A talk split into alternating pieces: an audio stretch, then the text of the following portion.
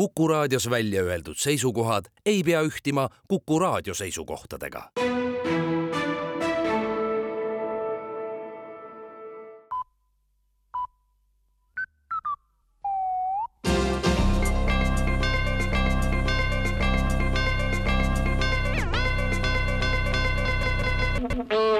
tere kuulama uudiseid stuudios Rohke Develak valitsuse sees jätkusid eile Reformierakonna poolsed selgitustööd majutusasutuste omaaegse käibemaksu tõstmise vajalikkuse kohta. koalitsioonikaaslastele selgitati, et majutusasutuste käibemaksu suvine tõstmine aitab tulevikus tõsta õpetajate ja politseinike palkasid. kõrgema palgaga politseinikud ja õpetajad aga saavad kasvanud palga tõttu senisest enam ööbida majutusasutuses ja see toob hotellidele hoopis täiendavat tulu kui hotellide tulu tõuseb, aitab see omakorda veelgi paremini tõsta õpetajate ja politseinike palka ja need omakorda jälle ööbivad veel rohkem hotellides. viie aasta pärast on õpetajad ja politseinikud oma kodud juba maha müünud ja ööbivadki ainult hotellides, mis teenivad seetõttu juba väga suurt sissetulekut, mille käibemaksustamise tulemusena on õpetajatest ja politseinikest saanud juba kõige jõukamad inimesed Euroopas kui iga õpetaja tööst vabal ajal aitab müügiesindajana tegutsedes ka autosalongil maha müüa ühe auto kuus, siis taas kogutakse maksuraha, millega pedagoogidele palka maksta.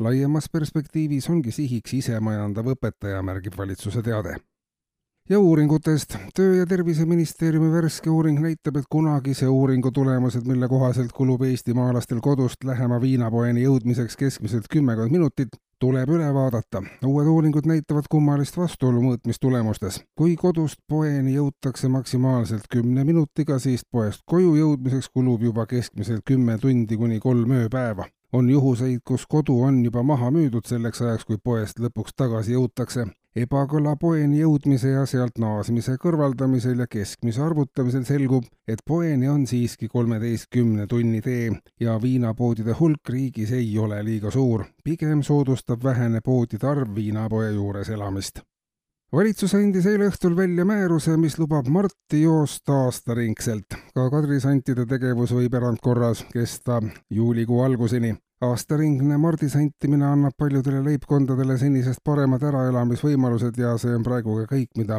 valitsus kitsikuses elavatele inimestele pakkuda saab. kui majanduslik olukord ükskord riigis paraneb, siis lõpetatakse vastava määrusega ka aastaringne mardi jooksmine ja ka veel üks äh, uudistesaate ajal tulnud teade, valitsus annab teada, et mõistab õpetajate olukorda. eilsel istungil olidki kõne all mitmed võimalused selle olukorra parandamiseks. õpetajate palgatõusu hetkel valitsuse töölaual siiski otseselt ei ole, sest uuringud näitavad, et õpetajate töökoormus ei jäta mingisugust aega selleks, et nad jõuaks oma praegustki palgaraha kulutada ja lõpetuseks ka rahustavaid teateid.